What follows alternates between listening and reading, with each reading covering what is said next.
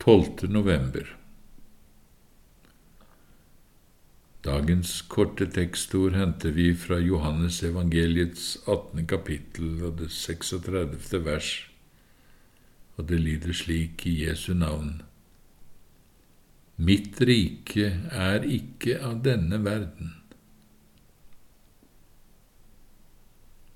Rosenius skriver, Hva et rike av denne verden er, det ser vi med øynene.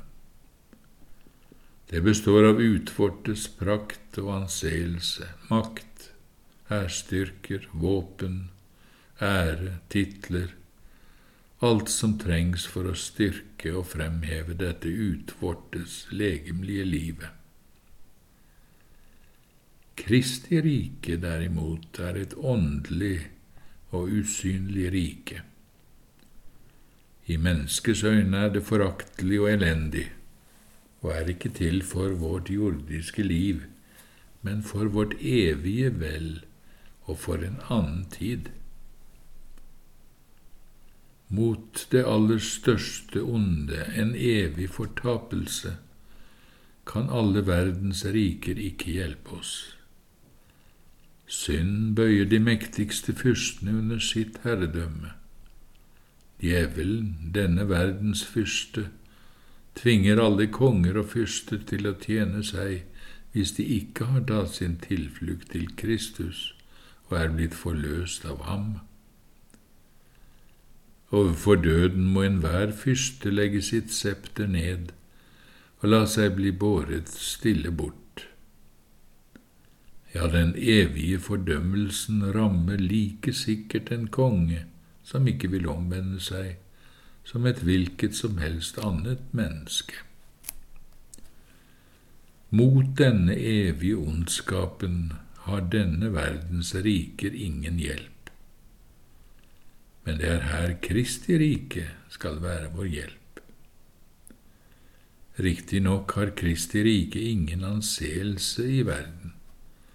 I menneskers øyne er det elendig og jammerlig, som deres gudsendte konge var da han sto spottet og forslått framfor Pilatus.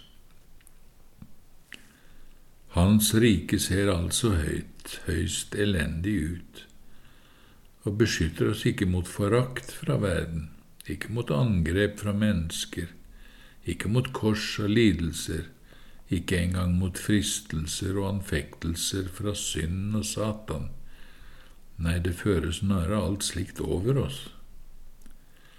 Men mot Guds vrede og den evige død beskytter det.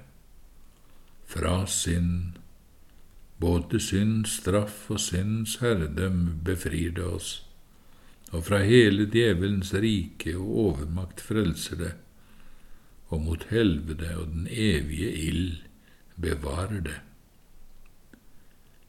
De menneskene som tror på Kristus og lever i Hans rike, skal aldri i evighet dø.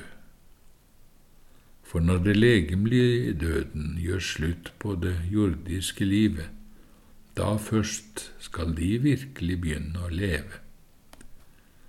Like som Kristus gikk inn til sin herlighet først når han led døden, slik er Kristi rike.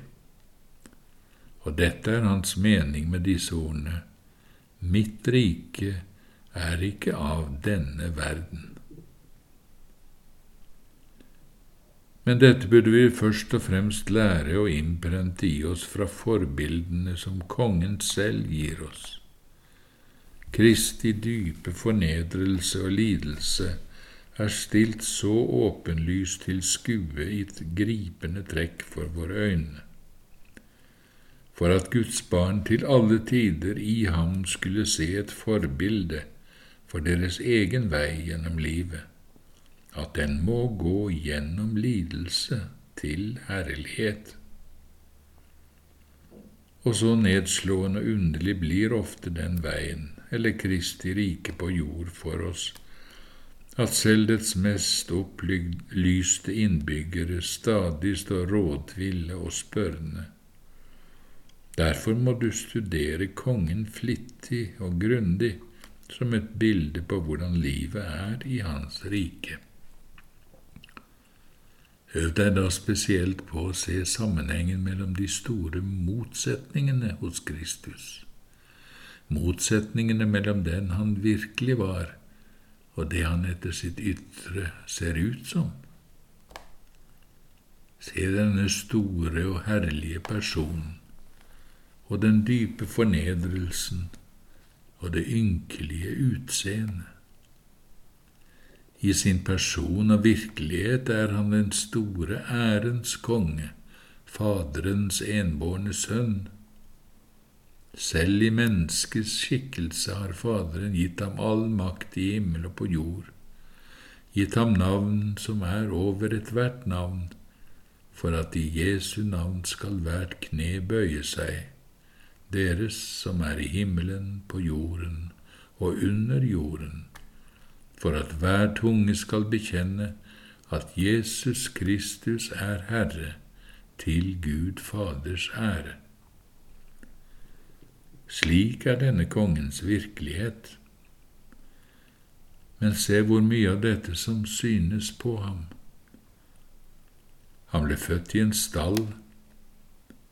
Gjennom hele sitt liv var han den mest forlatte og foraktede av mennesker full av lidelser og sykdom.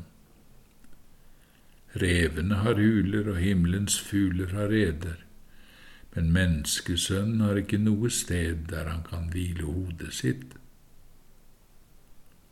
Og når han holder sitt viktige inntog i Jerusalem, slik profeten hadde forutsagt, da rir han på et arbeidsesel han har lånt, og de fattige disiplenes klær er hans sadel.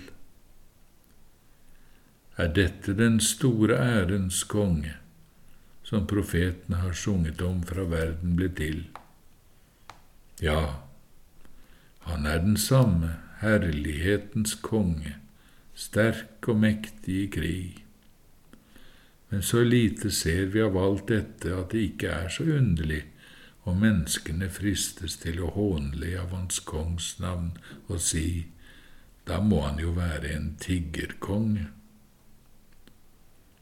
Ta så også med det vi skal lære av dette, at slik som kongen er, slik er også hans rike. Altså et rike som består av de skarpeste motsetninger, den største ære og herlighet overfor Gud, men i den største usselhet overfor oss selv og alle våre medmennesker. Hans rike er rettferdighetens og fredens rike, men da er det også bestandig synd og kamp og uro. Hans barn får eie den aller største nåde og ære hos Gud, og er ikke noe mindre enn Guds barn, mine sønner og døtre, sier Herren, den allmektige. Ja, vi er Kristi brødre og medarvinger, som skal stråle som solen i vår Fars rike. Og likevel går vi her på jord som om vi skulle være fullstendig forlatt av Gud, som om vi var under Guds vrede på grunn av våre synder. Da skal vi komme i hu vår konges virkelighet innfor Gud, og at just slik er det i Hans rike. Den store nåden og herligheten skal være skjult under all jammer og usselhet her i livet, for at troen alltid skal holdes levende.